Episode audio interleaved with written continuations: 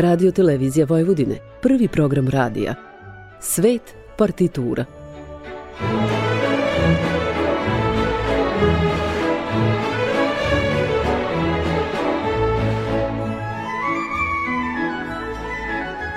Urednik i voditelj Bogdan Đorđević.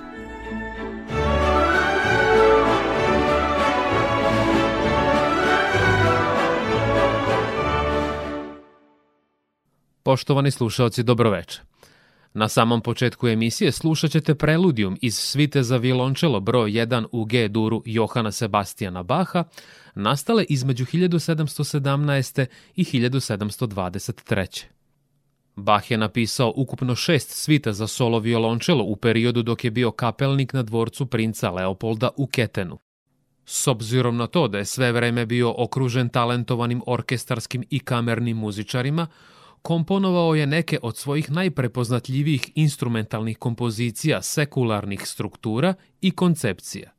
Pomenućemo Brandenburške koncerte, prvu svesku dobro temperovanog klavira i naravno svite za violinu i violončelo. Navedene partiture iz svita za violončelo napisane bez orkestarske pratnje i danas zauzimaju posebno mesto na repertoarima učenika i studenta muzike. Pedagozi smatraju da one predstavljaju kamen temeljac jer iziskuju godine i godine rada kako bi se dostigli vrhunska tehnika, interpretacija i izraz.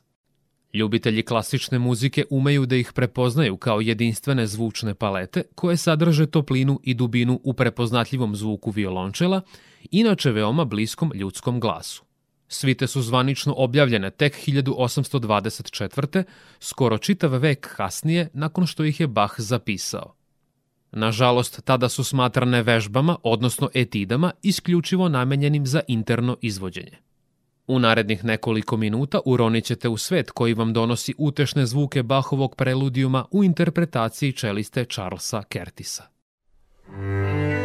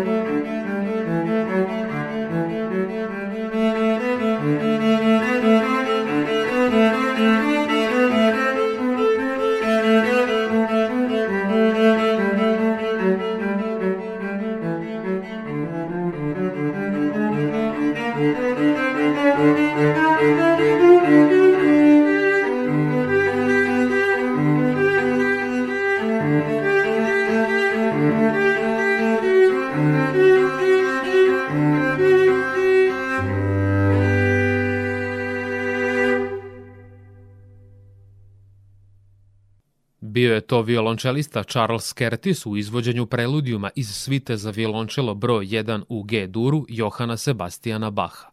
U prvim taktovima ove kratke muzičke priče dominirale su pojedinačne žice ovog instrumenta G, D i A, što je rezultiralo velikom rezonancom.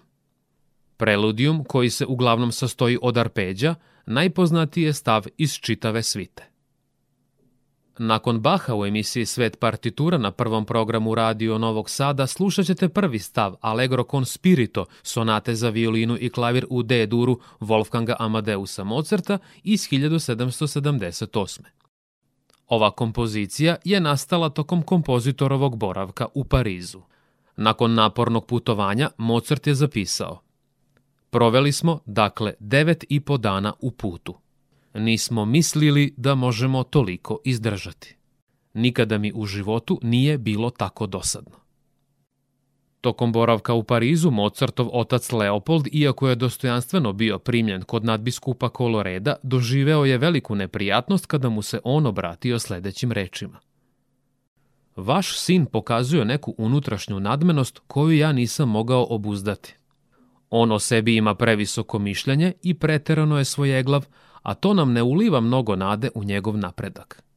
Nakon što je nadbiskup odbio molbu da se Wolfgang vrati na mesto dvorskog orguljaša, stari Leopold se pravdao da je njegov sin u životu često kucao na vrata koja su mu pred nosom zatvarali, te je postao osoran. Vraćamo se sada Mozartovoj sonati. Pred vama su violinista Artur Grimio i pijanista Walter Klein.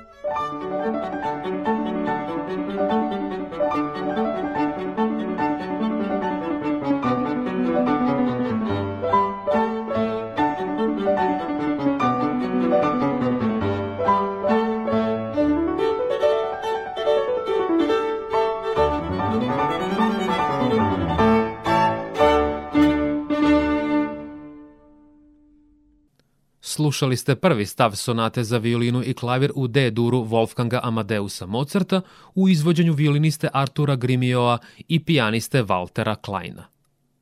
Mozartovom ocu Leopoldu nadbiskup Coloredo je rekao Filozofi nas uče da se naše osobine nikada ne razvijaju u suprotne, već uvek u svoje sobstvene ekstreme. Mudri postaju još mudriji, glupi još gluplji, plemeniti još plemenitiji, a da, Mozarte, arogantni postaju još arogantniji. Vi ste na talasima prvog programa radija Radio Televizije Vojvodine. U nastavku emisije Svet partitura slušat ćete Barkarolu, opus 60 u Fis duru Frederika Chopina, nastalu između jeseni 1845. i leta 1846. Ovo delo začuđujuće lepote opija svojim zvucima i oduševljava uzavrelim izrazom sve ljubitelje klavirske literature. Ni danas se ne zna kada i pod kojim okolnostima je nastala ideja za ovu kompoziciju. Chopin nikada nije posetio Veneciju, a imao je samo jedan prolazan susret s italijanskim pejzažima tokom plovidbe brodom od Marseja do Dženove. Pretpostavlja se da su Chopinu ideju Barkarole kao i prototipa njenog oblika i karaktera mogla dati dela istog žanra, koja su bila prisutna na muzičkom repertoaru, posebno ona u operama Joaquina Rossinija. U ovom klavirskom komadu nailazimo na muziku koja obuhvata Chopinovo pijanističko iskustvo i zrelost, koju je postigao tokom poslednjih godina života. U narednim minutima slušat ćete zvuke klavira koji odjekuju i dočaravaju nam autorov doživljaj čitavog Mediterana i juga. Pred vama je pijanista Rafal Blehač.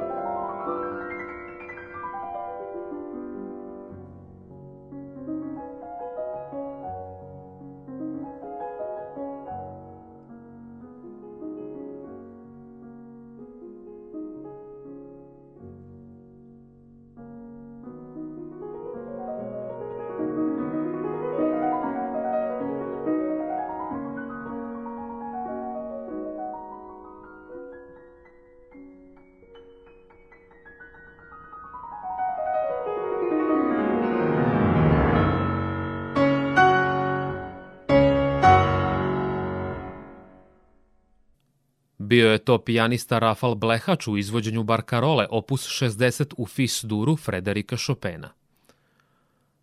Muzikolozi su ovo delo nazivali nokturnom, prigušenim poput balade, koji predstavlja duet i opis ljubavne scene u jednoj tajnoj gondoli. Prikazujući nam ovaj komad kao impresionistički pejzaž s panteističkim zvukom, oni nam ukazuju i na dah povetarca, koji sa čestim i prekidajućim ritmom donosi osvežavajuće mirise sredozemnog mora. Pratite prvi program radija Radio Televizije Vojvodine. U nastavku emisije Svet partitura slušat ćete etidu u A-molu Franca Lista iz zbirke Velike Paganinijeve studije, objavljene 1851. Ova kompozicija je inspirisana kaprisom broj 24 Nikola Paganinija, koji se smatra jednim od najtežih komada ikada napisanih za solo violinu. Kapris se sastoji od teme, 11 varijacija i finala. Kada je Franz Liszt 1832. prisustvovao Paganinijevom koncertu, odlučio je da mu upravo on postane uzor kako bi poput njega nastupao kao mađioničar za klavirom. Ovaj italijanski violinista i kompozitor bio je slavni virtuoz i ostavio je svoj trag u istoriji kao utemeljitelj moderne violinske tehnike. Umeo je da na koncertima svira sa tolikom žestinom da je jedan od posetilaca u Beču rekao da Paganiniju u tome pomaže i sam đavo. Nakon što je postao slavan, Paganinijev život je ispunjavalo preplitanje profesionalnog uspeha s ličnom neumerenošću. Zarađivao je velike svote novca koje je besomučno trošio na kockanje, pa se stečeno bogatstvo rasipalo na sve strane. Jednom prilikom bio je čak primoran da založi i svoju violinu. Vraćamo se sada listovoj transkripciji za klavir. Slušat ćete pijanistu Danila Trifonova i Paganinijev kapris broj 24 u A-molu.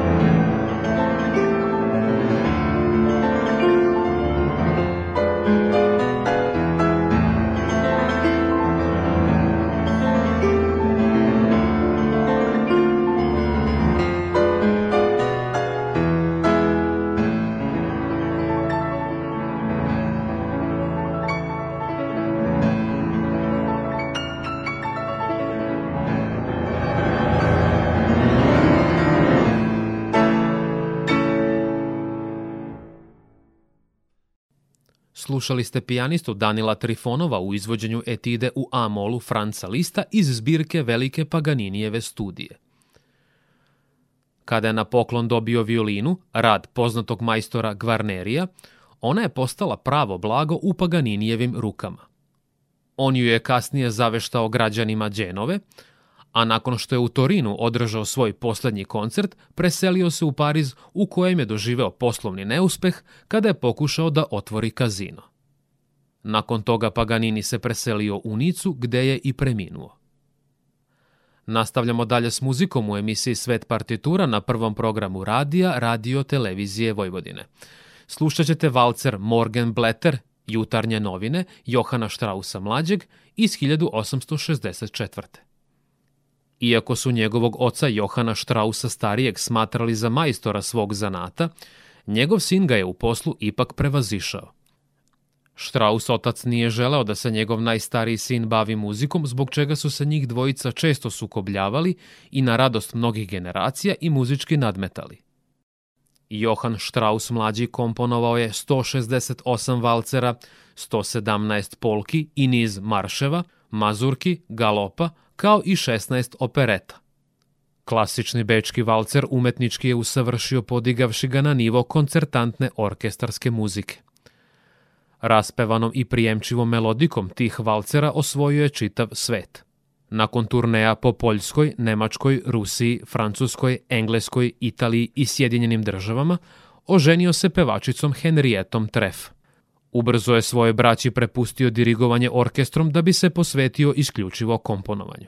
A sada ćete slušati bečke filharmoničare i dirigenta Vilija Boskovskog u izvođenju valcera jutarnje novine Johana Štrausa mlađeg.